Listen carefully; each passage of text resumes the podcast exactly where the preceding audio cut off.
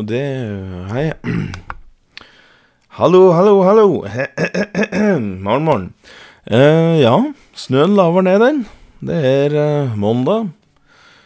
Stemmen er eh, noenlunde på plass igjen. Det har gått lenge nok nå for både du og meg, så jeg tenkte at i dag er dagen, tenkte jeg. I dag er dagen da vi skal få høre om Brita Leinenen. Født altså 1689, strøk med i 1764. Og eh,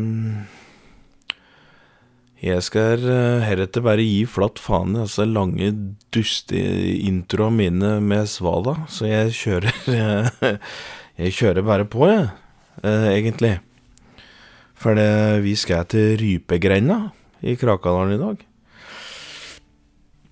Der bodde folk ganske spredt ifra hverandre, og fremmedfolk så dem jo sjelden, da.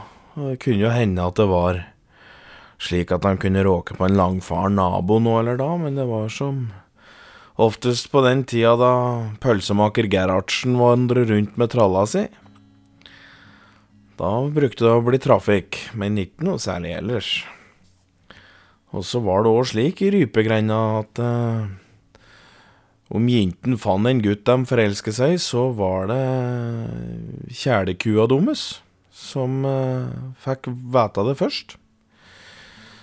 Uh, da sto Altså, ei kjæleku da, nå, Ja.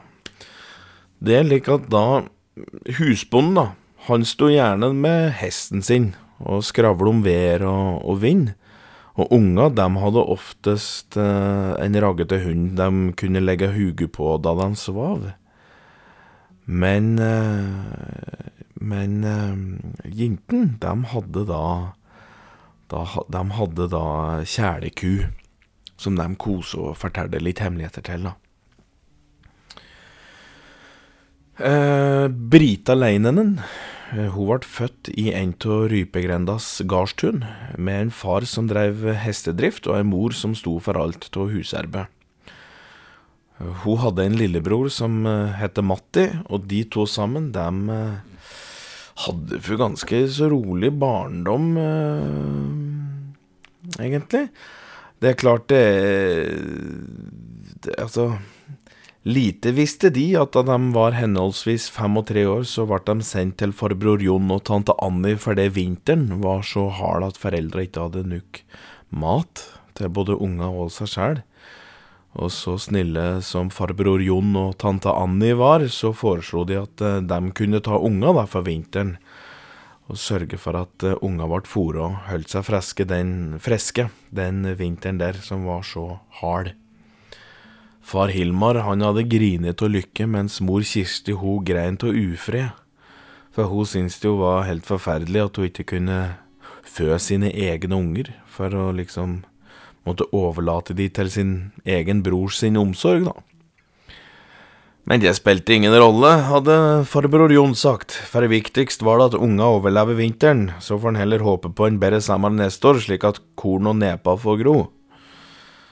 Så, og det hadde jo vært et tårevått gjensyn da farbror Jon og tante Annie hadde kommet over berget med de eh, to små den første sommerskvelden eh, Da den første sommerskvelden dukket opp i juni. Og da sto mor Kirsti med sine lange fletter hengt opp etter øra for at de ikke skulle være i veien da hun arbeidde på jordet.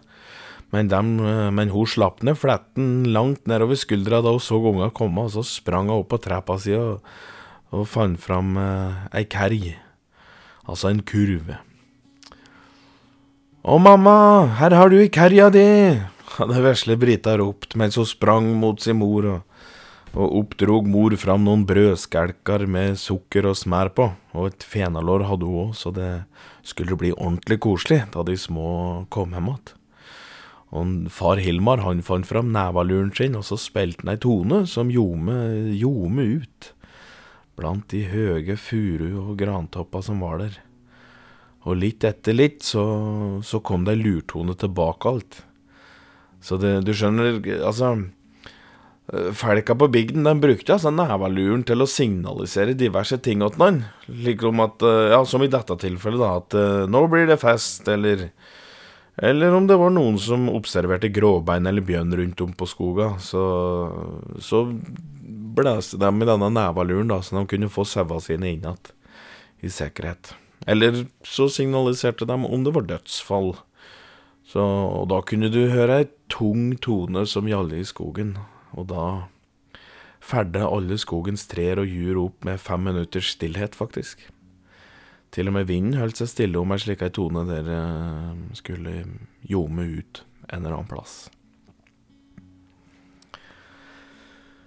En gang eh, i Britas eh, Nå må jeg bare ordne litt her, ja, altså.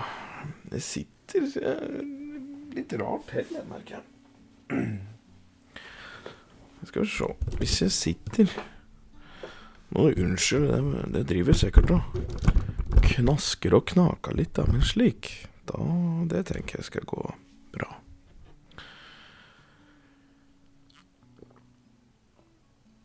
Skal vi se, her var det jeg kom på jeg måtte si. Um, jo, en, en gang i Britas barndom, da hadde hun òg råket på noe som uh, hun trodde var ei diger bikkje. En dag hun var ute og lekte der det var høggras på bergesida. Eh, og den digre hunden den hadde jo bare hoppa og smeika og skulle, skulle, til å ha henne med seg videre inn i skogen. Men akkurat idet hun skulle til å felge, så kom mor skrikende og fligende imot, og hundpuken flaug som om det var livet om å gjøre midt inne, langt innad i skogen, vet du. Eiter, ikke forsøkas øre om du får lures til ulveskinnet, greller hun ut og tok av Brita om livet og filleriste henne lenge nok til hun skjønte at dette der, det var jo for faen en, det var en ulv, det var jo ikke noe hund som det hun drev og lekte med, og ulv og hund, det var ikke av samme slaget. og da bror hennes uh, Og en gang da bror hennes, uh, som heter Matti, da, hadde lært å gå, da kunne Brita òg huske en gang at, uh, at mens hun lå og lekte med far sin på enga, der alle markjordbæra var, så kunne de høre mors heslige skrik enda en gang. Uh, og de sprang opp til bekken der skriket kom ifra, og der sto mor og holdt guttungen etter beina og riste den opp og ned, og blå var han så vesle Brita hadde jo frøst fast i, i redsel. Her er det du driver med, ropte far.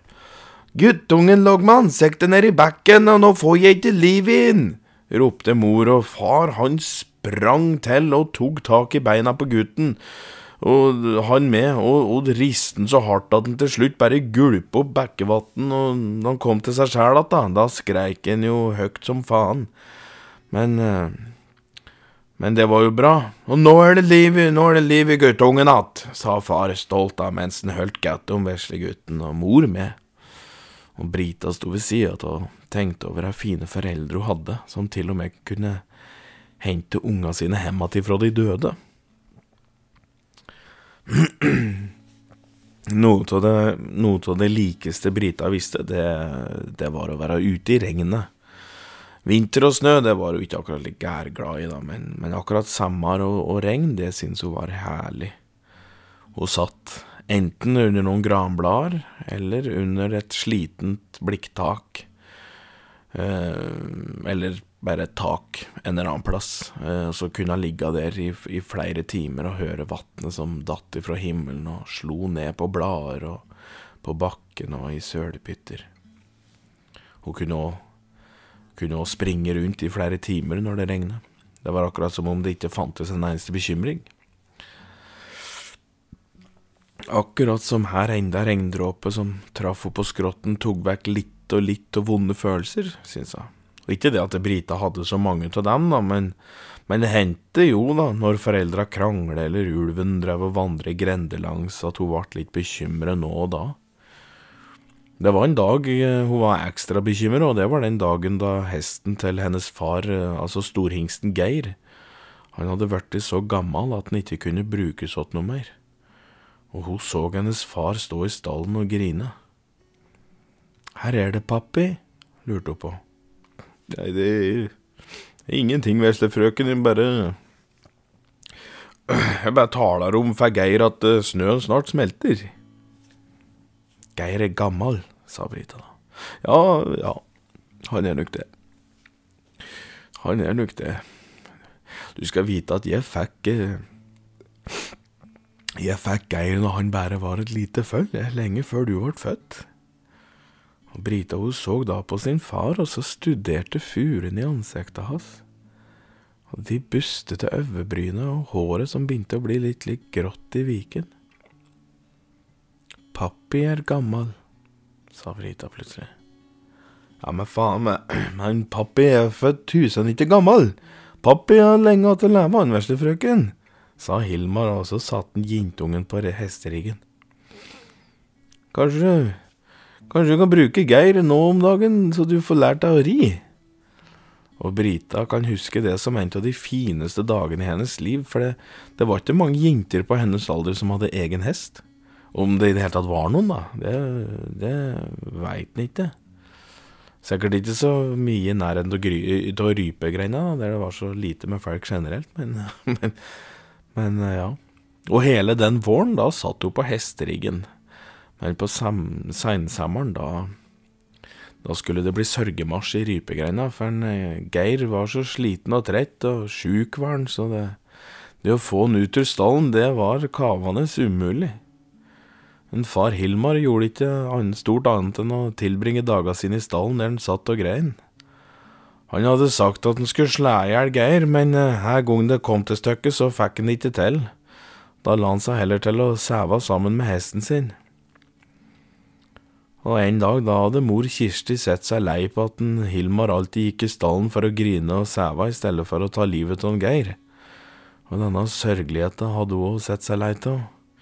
For det gikk jo utover alt det var til gardskjermet, så, så en dag da sendte hun Hilmar til landsbyen Flisa med handleliste, og mens han var der for å handle sukker og mjøl, da gikk hun Kirsti inn i stallen og slo hesten Geir i hjel. Brita hadde stått i stallåpningen og sett alt sammen, og grein ganske stille og rolig så hun ikke skulle bli oppdaget, da. Mor hennes hadde ikke sett særlig glad ut, hun heller, men hun visste at hun måtte holde maska når, him når Hilmar kom hjem igjen. Og, og færre et sorgeleven det skulle bli også når Hilmar først kom, fy faen. Han sprang rundt på tunet og svor og skreik, og du veit, han forbanner jo Gud og himmelriket og alt som var, vet du. Det Nei, det, det, det, det ble jo så sørgeleven, så dompapen fløy jo til Spania, vet du. Kom jo faen ikke igjen før Det gikk jo to år før de kom igjen, for de, eh, de, var fortsatt tunghørte etter at Hilmar hadde gått og skriket så fælt, vet Så, Og Brita gjorde det samme. Hun gikk òg og skreik, og hun jo var lei seg, mens Matti og mor Kirsti de satt på trappa og, og renset moltebær da, som de hadde plukket. Og noen dager etter, da hadde Kirsti vært i Brandval for å kjøpe en ny hest til uh, sin far. Uh, nei, tå sin far, altså Kirsti eh, til bestefaren til uh, Ja. Så hun hadde kjøpt en ny hest hos sin far, da. 20 daler hadde den kastet. Noe som egentlig var altfor dyrt, da. Men hun ja, hun makte jo ikke å høre på Hilmars jamring noe mer, så, så det fikk kaste det det kastet ville, altså. Det så, så, da kom hun hjem igjen med en gyllenbrun hingst med sine beste år framfor seg, ilter og vill, vet du, med svart manke og hvite sokker på alle fire bein. Så det var da Det hjalp da litt på, på jamringa. så, og i ungdomsåra, da Da skjedde det at uh, Brita stiftet bekjentskap med smedsønnen Mikkjel. Mikkjel var ikke som andre gutter, som bare skulle nusse og holde nevene til jentene, nei. Mikkjel han ville heller nusse og holde nevene til gutta, akkurat som Brita. Så Mikkjel sin far Magnar derimot, han syntes ikke dette var noe morosamt i det hele tatt, da. Det var ikke riktig ment at, at gutt og gutt skulle kysse på hverandre, men, eh, men Mikkjel han brydde seg ikke om far sin. Han tok med seg Brita til Kinndalen på fest, og sammen sperret de ut kærer de syntes var kjekke. Dessverre hendte det ofte at de kæra som Mikkjel prøvde å kysse på, dem ga han jo rundsvelg i stedet, vet du. Det. Og Brita hun ble så eitrende forbanna på dette her, så etter hvert så tok hun med seg lillekniven som hennes far hadde laga til henne da hun kom inn i ungdommen. Om en polkjævel drar fram snabelen og, og, vil at du skal uh, ta på han, Da skal du heller dra fram denne og skjære snabelhelvete tvert av. Det må du love meg. Hadde Det var far Hilmar som sa det, vet du. Da Ja. Da Brita gikk inn i ungdommen, så sa han far Hilmar det her, vet du. Det stemmer, det. Om en pojkeevn drar fram snabelen og vil at jeg skal ta på han, da skal du heller dra fram denne og skjære snabelhelvete tvert av. Det må du love meg, hadde far Hilmar sagt, vet du. Der, vet du. Så når de var på fest, og Mikkjel så ut til å drive og skulle få juling, da for Brita fram med lillekniven og ba dem ta seg vekk derifra. Ellers så skal jeg skjære av deg, snabelhelvete. Og Mikkjel han uh, fikk så å si aldri mer juling etter den gangen. Men han sies jo det var jævlig frustrerende at så mange av gutta ikke var interessert i han. Og det skjønner jeg jo. Og Brita hadde jo heller ikke hellet med seg når det kom til Kæra, for hun var jo venn med Mikkjel. Men, eh, men, det brydde hun seg jo Det brydde hun seg jo ingenting om, da. Den karen som får meg, vil aldri ville ha noe annet frøken, så den som vil ha meg, han må være perfekt åkke som, sa Brita til Mikkjel. Og det var han helt enig i. Eh, om det hadde raslet i kroppen min som det gjør da jeg ser i øva til Ola Skarsberg, da hadde jeg giftet meg med deg tvert, var ofte svaret hun fikk av Mikkjel. Apropos giftermål. Da, da Brita var 16 år gammel, så kom det en storbonde fra Värmland som ville hilse på Brita. Og han hadde med seg sønnen sin Jonte, som var da yngste eh, til eh, til eh, Som var hans yngste sønn, da, til til Leinemäki. Leinemäki. Jeg er ikke så god på finsk uttale, hører jeg. Det er forferdelig dårlig som meg. Leinemäki, som var tunet der Brita og hennes eh, familie bodde. Ja, så de dro, ikke sant, Jonte og yngstesønn dro til Leinemäki, som var tunet til Brita og ja. Eh, storbonden hadde jo bare hatt Jonte av sine sønner, for de tre andre sønnene hans hadde gått med under krigen mellom Norge og Sverige. Og han trengte jo en brud til sin sønn. Det, og det var vanlig i gamle dager at fedre seg imellom avtala giftermål mellom ungene sine, da, slik, at skulle, slik, at ting skulle gå greit til. Mor Kirsti hun var, hun, hun var positiv til giftermålet med rikmannsfolket fra Värmland, for hun hadde hørt at de hadde innejenter eh, som hjalp til med husarbeid. Og de hadde gardsdrenger som holdt på med alt utearbeid. Og sjøl hadde hun ikke lyst til at hennes vesle Brita skulle måtte ha et strevsomt liv med hardt erbe, da, slik som hun sjæl hadde hatt. Far Hilmar derimot var ikke Han var ikke akkurat like positiv. Han syntes at jentungen hans, som eh, i alle år hadde vært så vaksinklok og lur, skulle få, få velge husbonden sjæl. Og da storbonden og Jonta hadde kommet til gards, så hadde Kirsti bedt Brita om å ta med seg Jonte og vise den rundt på tunet, mens de voksne tala voksent åt da.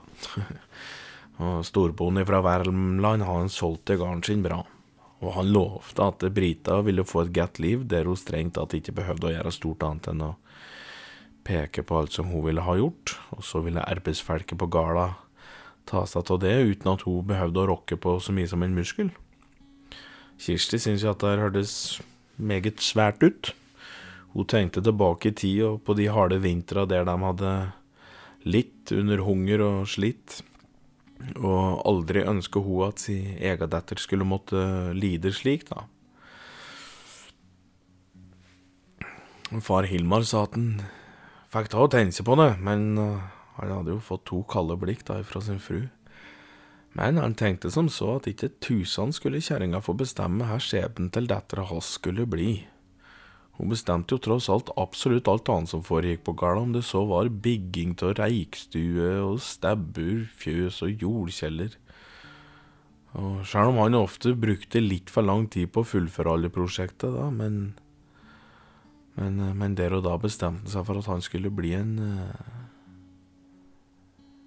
Han bestemte seg når hun møtte henne, at han skulle bli en gild ektefelle, og at alt hun ba om, skulle han gjøre på den samme timen. Da de skulle reise igjen, altså Jonte og denne storbonden, så, så foreslo storbonden at Brita kunne komme en tur til Värmlandsgården hans, og det syntes jo Kirsti hørtes storslått ut, men hun hadde ingen til å frakte henne dit. Jeg kan, jeg kan komme og hente henne, hadde Jonte sagt, men da hadde far sagt at det var neggu ikke før til våren hun skulle bort til noe Värmland. Nei. Eh, storbonden, Jonte og Kirsti så alle tre på Hilmar Leinenen, som sto med underleppa si ut, sur som ei sild, vet du. Ja Ja, jeg syns, jeg syns vesle ikke jeg skal få bestemme sjøl om hun skal reise dit eller ikke, sa han Hilmar så. Ja, men jeg vil reise og sjå, sa Brita, og så da snudde Hilmar seg bort og så på noen sekunder, og så ble han kanskje litt skuffa. Ja, det er greit. Jeg Jeg rir ho bort da våren kommer, hadde Hilmar sagt, og så drog storbonden og sønnen derifra. Den samme kvelden tok Hilmar nevaluren fatt og ljome ut noe toner. For nå tenkte han skulle det faen skjæra meg bli fest på tunet. Å nei, og det var ikke en slik fest der alle de gamle skulle komme, nei. Dette her, det skulle bli en fest for ungdommen en fest for Brita. Alt virker vel og bra, tenkte Hilmar, men det er sikkert mye bra gubb på disse traktene òg, og jammen skal jenta få velge sjæl hvem hun skal gifte seg med. Og Brita hun ventet spent, og sola den gikk ned tidlig på ettermiddagen, og hun rasler rundt, hugelvet spent og, og nervøst, med håret stelt opp med fine fletter, og med et skjørt i, i, i, i eh, maurerotrødt eh, som hennes mor hadde laga. Endelig kunne hun se fakkeljus mellom trea, og, og, far Hilmar han kunne høre ungdommen jamre og skråle mens de tok av seg skia sine og stampe ut av husdæra. Men eh, med en gang de kom inn, så da var det felkeskikken som gjaldt. Så de hilste pent og, og, og satte seg rolig ned Mor Kirsti hun kom med, tærkjøtt til dem, mens Matti han vandrer rundt med ei ølbøtte som han serverte, så han serverte øl, da. Og fakla, de, de stamper dem jo selvfølgelig i snøen før de kom inn og slike ting. Far Hilmar visste at det, det ville jo ta litt tid før stemningen løsner, slik var det jo ofte på fest og, særlig, og særlig da, da folk ikke kjente noen ifra før. Men litt etter litt så løsnet stemningen, og jentene hadde sett seg ut hver sin gutt og ventet tålmodig på at noen skulle komme bort og ta dem i nevene. Hilmar fant etter hvert fela si for å sette litt fart på festen, og etter litt diskusjon på hvilken låt han skulle spille, så drog han i gang ei låt som eh, Nei, eh, han drog i gang ei låt om, eh, om, gutten som råka på Jomfrutrollet, for den kunne jo alle være med og synge på. Og gutta gikk forsiktig bort til herse jente, og brått eh, sto de alle da og danset i ring, og utover kvelden da ble det delt ut klemmer som bare var ment for at to og to skulle få vite om. Noen klaps på rumpa og litt klyp i kjaka ble det òg utdelt, og stemningen den var på topp. Brita var ei pen jente, og det var mange blikk som hvilte seg på henne der hun svingte seg rundt, men Brita sjæl kjente ikke at det, at det kriblet noe særlig i magen til noen av gutta. Men moro, moro hadde hun det jo lell, da. Far Hilmar han var stolt over at Brita vekker guttas interesse, håpefull på at hun skulle kunne plukke ut en av disse kjekke lokalgutta og slå seg ned med, da. På den måten så kunne hun overta Leinamäki eh, så ja, mye kjekk ungdom, tenkte han for seg sjæl. Men Brita brydde seg ikke med noe romantisk denne kvelden. Hun bare koste seg med alle som var, dog syntes hun det var synd at Mikkjel ikke hadde tatt turen. Mor Kirsti derimot syntes at far Hilmar hadde vært innmari utspekulert. Hun beit seg merke i at uh, for hver gang noen krus sto tomme, så sendte Hilmar Matti bort med ølbiter for å helle dem, i, uh, helle dem fulle igjen. Og kvelden kom, og natta kom, og Mens foreldra gikk og la seg, så skulle ungdommen slå seg ned i storstua og, og få overnatta. Og akkurat som Hilmar hadde tenkt, når, når flammen slakk i ovnen og kjøla bredde seg i stua, da gikk jentom og fant seg her sin gutteerm de kunne ligge på. Skuffelsen var jo derimot stor da han på morgenen fant alle jentom i en guttekrok for ute av seget etter.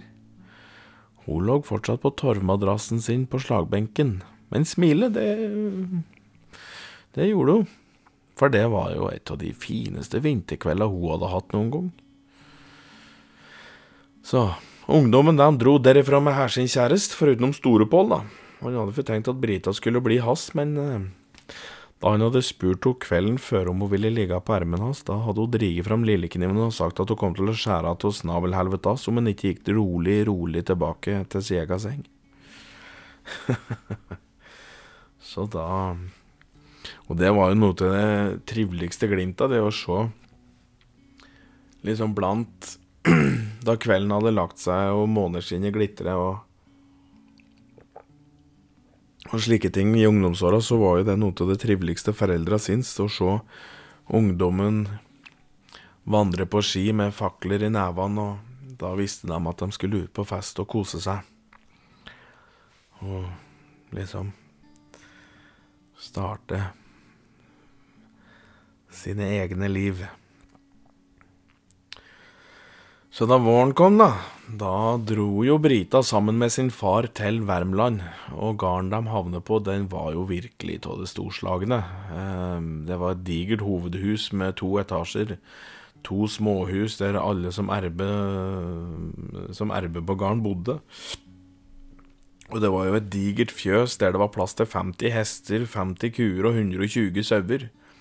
Skiggar var det satt opp rundt hele, og flere mål med jord lå der, og våronna, den var jo i full sving. Å, herre min, for en gard, pappi, sa Brita. ja, gal og gal. Ingen av de som lever der nå, har vært med og bygd opp dette, vesle frøken.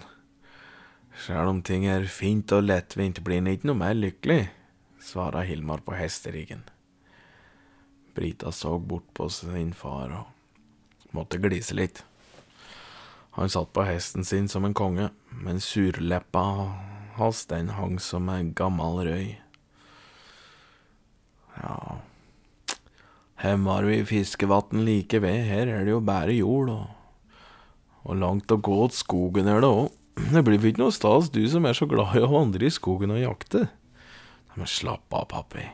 Jeg er ikke her for verken gal eller grunn, det er Jonte jeg vil ha, og om han vil ha meg for den jeg er, så skal du se han blir med meg og tar over leina Leinamæki, svara Berit og, og gliste bredt. Og da skulle du sett far Hilmar, for da glisen jaggu mer enn sola skinte den dagen. Storbom tok dem godt imot og viste dem rundt, før, eh, og før middagen da tok Jonte med seg Brita og, og, og viste, viste fram en gris han hadde fått. Og den eh, dagen da fant Brita ut at Jonte han likte Brita for den hun var, og ikke det far hans hadde pekt seg ut akkurat hun. Hesten han i det hele tatt hadde kommet over Brita, var det var fordi han hadde han, Det viste at han hadde gjort den eh, hesten Ja, ikke sant? Han Grunnen til at han hadde kommet over Brita Jeg beklager, jeg har, det er lenge siden jeg spiser, så jeg er litt surrete. Eh, men grunnen til at han hadde eh, kommet over Brita, eh, det var Det var jo ikke fordi far hans hadde pekt Ja, fy faen, nå roter jeg altså så fælt. Men han hadde gjort en handel med farbror Jon like før vinteren. Farbror Jon han hadde skrøtet så fælt av Brita eh, om, eh, altså, om her klok og arbeidsdyktig hun var. Så, så da fikk jo Jonte lyst til å reise og besøke og se men hvem denne jentungen var, da. Så han hadde jo fått med seg far sin til Leinemäki for, for å hilse på. Og Jonte og Brita de satt sammen lenge i stallen og preka om alt mellom himmel og jord, men noe kyss det ville ikke Brita gi eh, før Jonte hadde tatt turen tilbake til Krakadalen igjen. Ikke tusen om hennes første kyss skulle være på svensk jord, må vite, samme tusen er fint hun syns dette språket var.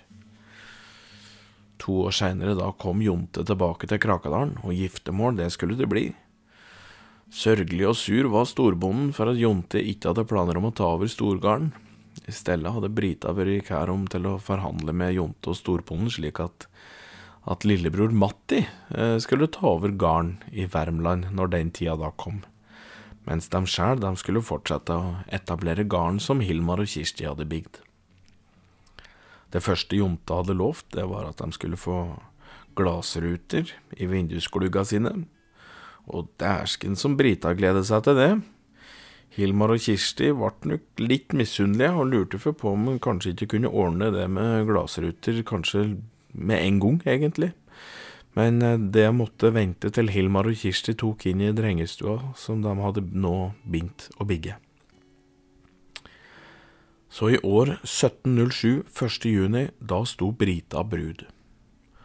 Hun trasket bortover en grønnkledd slette med sin far ved sida av seg som grein tårer så digre som kongler, og hennes mann Jonte sto framatil kledd i finskjorte og bukse mens han så rørt på sin vordende fru som kom kledd i brudekjole med brudesjal. Han godeste Mikkjel sto på enda ved sida av Jonte, for det var han som skulle vie Brita og Jonte og den sure smeden, han sto med glis og ei tåre i øyekroken, sjøl om han ikke ville at noen skulle se det. Hele Krakadalsfolket sto på rekke og rad, og gikk hver sin tur bort til brudeparet med det de hadde av sølv og smykker i gaver. Kornsekker og salte kjøtt fikk de, og noe av griser og geiter, og en diger gamp, det var jo Altså, dette var bare noe av det som ble gitt. Det var en eh, festaften uten like, der Hilmar spilte med fela si til langt på nett, og felket danse og male gulvet rødt med sine såre hæler. Og ølkrusa rage høgt til værs, men lykkeligst, det kunne jeg nesten tru var en Matti. Britas bror han satt på stolen sin ved sida av bruden hele kvelden, og han gliste fra øre til øre, for han visste at om bare noen år så skulle han bli storbonden over alle storbønder. Og Aldri skulle han lett sine barn bo hos noe søsken eller lide verken hunger eller ha mangel på husrom. Brita og Jonte brydde seg denne kvelden ingenting om framtida.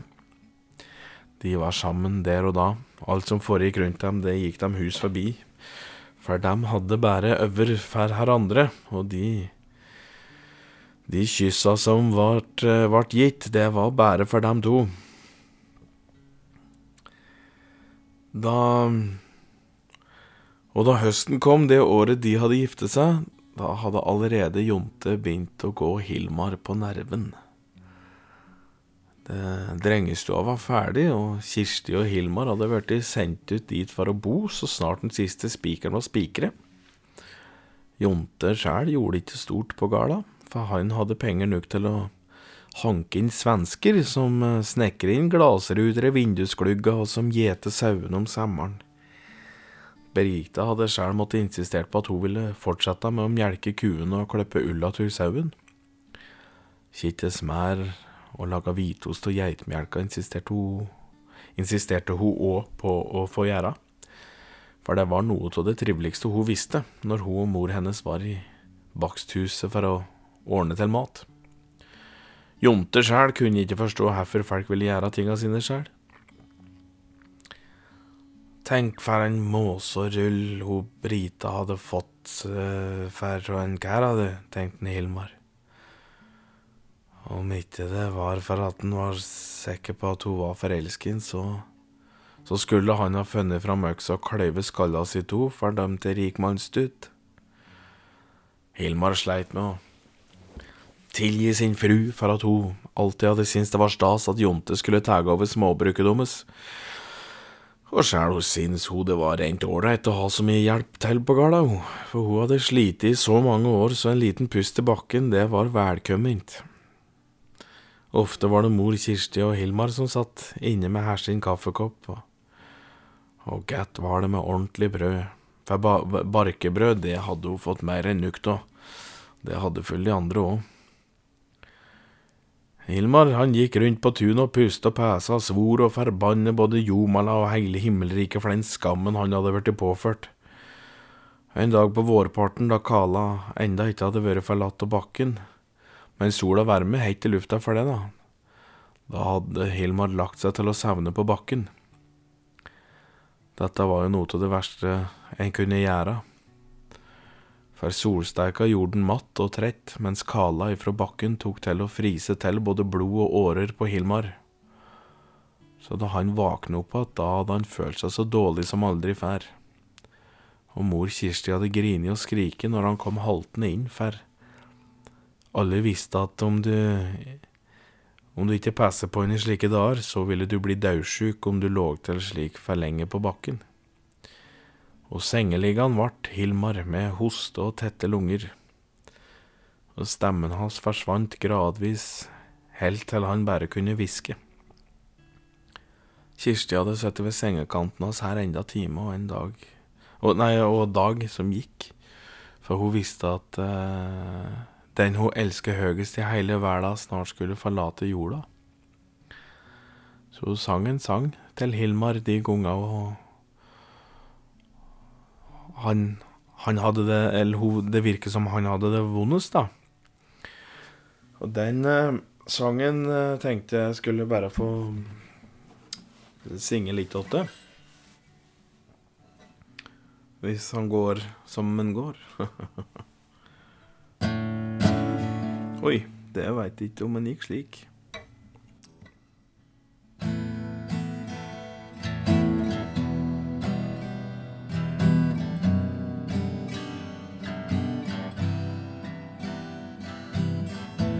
Over furutoppen er himmelen alltid blå. Der fins skyer man en dag skal ligga på. Og sola skinner ned på alle man har kjær. Så du kan mimre over alt som var fær. Du skal få en dag til om du sier hei. Du skal få en kveld med meg om du er grei. Et kyss vil jeg gi deg om du gir meg et smil. Jeg har elsket deg her dag uten en enda tvil.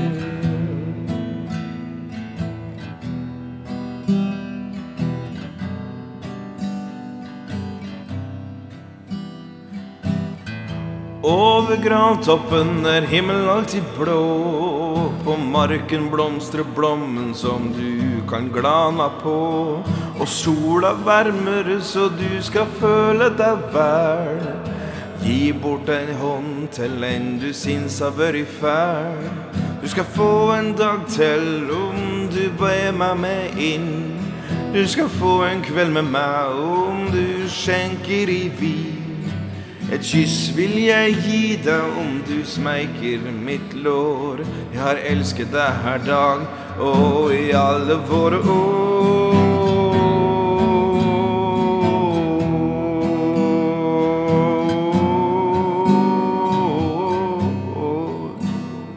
Jeg har elsket deg hver dag i alle våre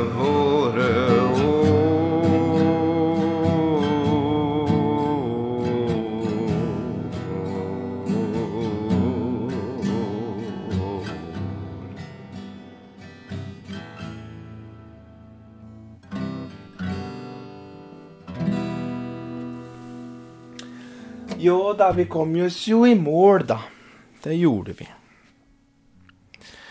Og det var slik at her enda gang Kirsti uh, hadde sunget den sangen, da kunne du se Hilmar smile bredt, sjøl om han ikke erka opp øva sine. Og ofte sto Brita i dærkarmen og grein sine sørgetårer, for brått forsto hun at hun ikke elsker sin eh, Jonte slik hennes mor elsker hennes far. En dag hadde Brita lagt seg i ermkroken til sin far og hviske unnskyld for at hun ikke hørte Gatnug etter når han hadde bedt henne tenke seg om to ganger angående Jonte. Hilmar hvisker bare rare ting tilbake. Å, dette er det fineste man kan ha, vesle frøken. Du er den fineste jenta som fins. Over himmelen kan du tegne mye fine bilder. Alle slags farver kan du bruke, og, og jeg liker rødt. Jeg liker rødt. Du skulle jo ha gifte deg i rød kjole, du, veslefrøkna mi.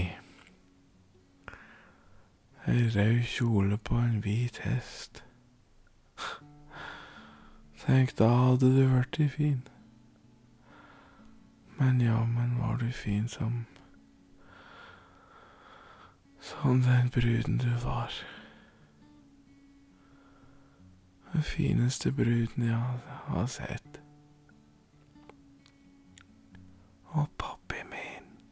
Hadde Brita sagt.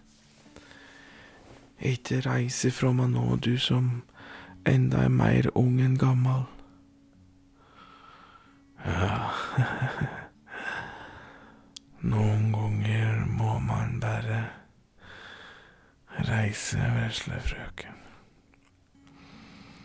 Tenk, jeg har gjort Ja, jeg har gjort mye fint i livet.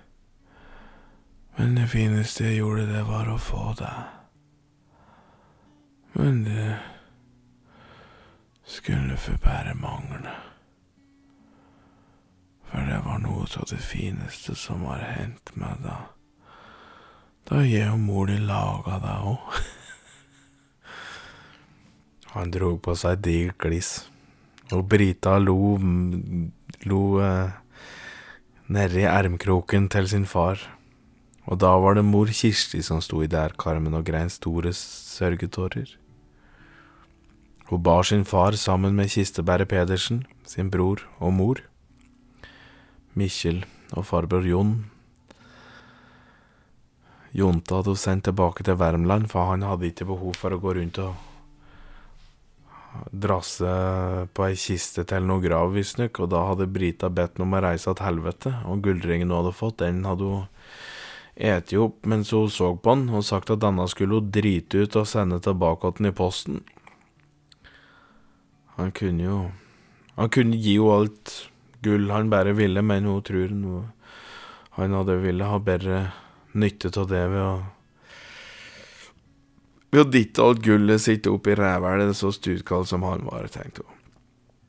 Matti kom tilbake da, med noen sølvpenger og var full litt småfurt over at han ikke fikk ha storgarden i Värmland lenger, men eh, han syntes det var greit å komme med til mor og søster, dog han At han ikke rakk hjem til sin far på dødsleiet, det var noe da som skulle tynge han resten av livet. Og dagom etter at Hilmar hadde gått bort, den var merkelige, sin sprita. Hennes eh, hennes far hadde brakt så mye liv til tunet, med ilter temperament og latter som smitter på alle som hørte den, og ja. Hun gikk bort til arbeidskoia til far sin som eh, sto inne hos skoghøltet, og så så hun seg rundt en dag.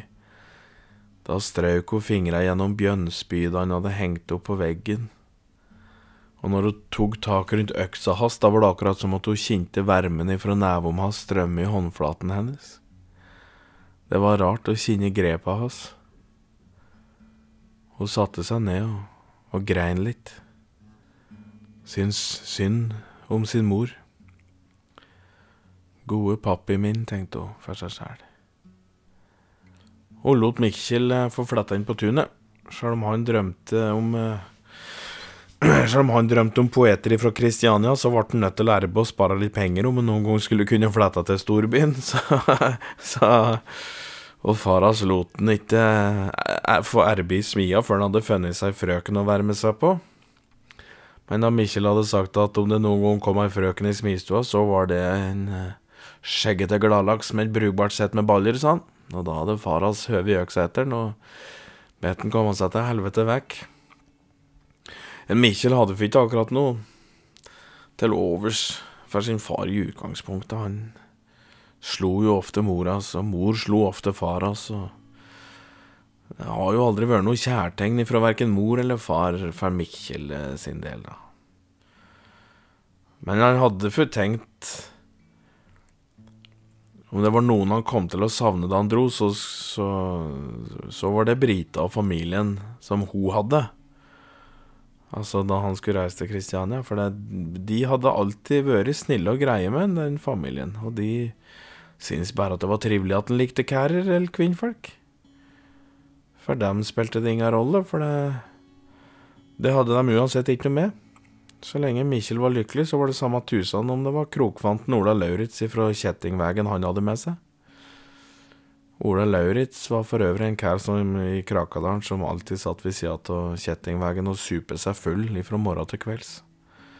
Ja, han slo ginnet av en prat uansett hvem det var som kom forbi, og så hadde han alltid ei krone eller noe candysukker å bjuda på hvis du stoppa og prate med han. Åra gikk, og Brita fant kjærleiken med en snekker ifra Grue. De gifte seg aldri, for det, det, var Brita ferdig med etter at uh, han jonte Etter den jonte. Men uh, kjærligheten der var jo så sterk dem imellom at noen ring hadde jo ikke noe å si for noe til dem. De fikk ei datter i hoppet, så hun vokste opp til å bli ei ordentlig fin og klok dame, akkurat som mor si. Leinemäki ble stær og stær med åra, og det ble flere og flere dyr å ta seg til på gården. I 1750, da kom Mikkjel tilbake med en stram og ung kar fra Kristiania som skrev de fineste dikt som noen hadde hørt. Og livet, det var eh, herlig, og de var eh, heldige som slapp unna både krig og hunger opp igjennom. Gubben til Brita, som heter Benny, vandrer rundt og jakter på både bjørn og ulv og gaupe, så både sau og ku kunne beite fritt da i de nærmeste skoger. Og Brita sjæl, hun baker brød og kaker som hun solgte på markedet. I 1756 slo hennes mor Kirsti felje med hennes far, og de plantet hvitveis rundt rengestua, som var favorittblommen til Kirsti. og en kald vintermorgen i 1764, da Brita hadde nådd 75 år. Sjøl om Brita sjæl hadde for lengst glemt hvor gammel hun var, så satt hun og melket favorittkua si. Og plutselig så kunne hun se uh, Hilmars storhingst Geir komme ridende. Og på riggen, så stolt og rak som en konge, der satt hennes far. Og rundt livet hans kunne hun se to ermer som holdt tak, og over skuldra til sin Rakkas pappi kunne hun se sin fagre mor Kirsti. Begge to så, eh, så så friske og livlige ut, med smil som varmer hjertet til Brita så tårene hennes trille, og de begynte å vinke og le. Og Hilmar fant fram fela som de hadde lagt i kista hans, og, og begynte å spille så fine toner. Og snøen lave ned, men der hennes foreldre sto med med kista hans Nei, der foreldra sto med storhingsten. Geir, der var det grønt gras og hvitveiser. Og så kunne hun plutselig høre noen skrik som hun syntes kunne høres kom ifra datter si, men hun kunne ikke se henne. Så hun bare gikk bort til sine foreldre, og så dro hun til Sammarslandet. Og attende under de Tjukke snøvillfillom som lave ned satt etter til Brita på kne og holdt sin mor i hånd, og kjente at varmen i hånda visne, og hånda ble bare kaldere og kaldere.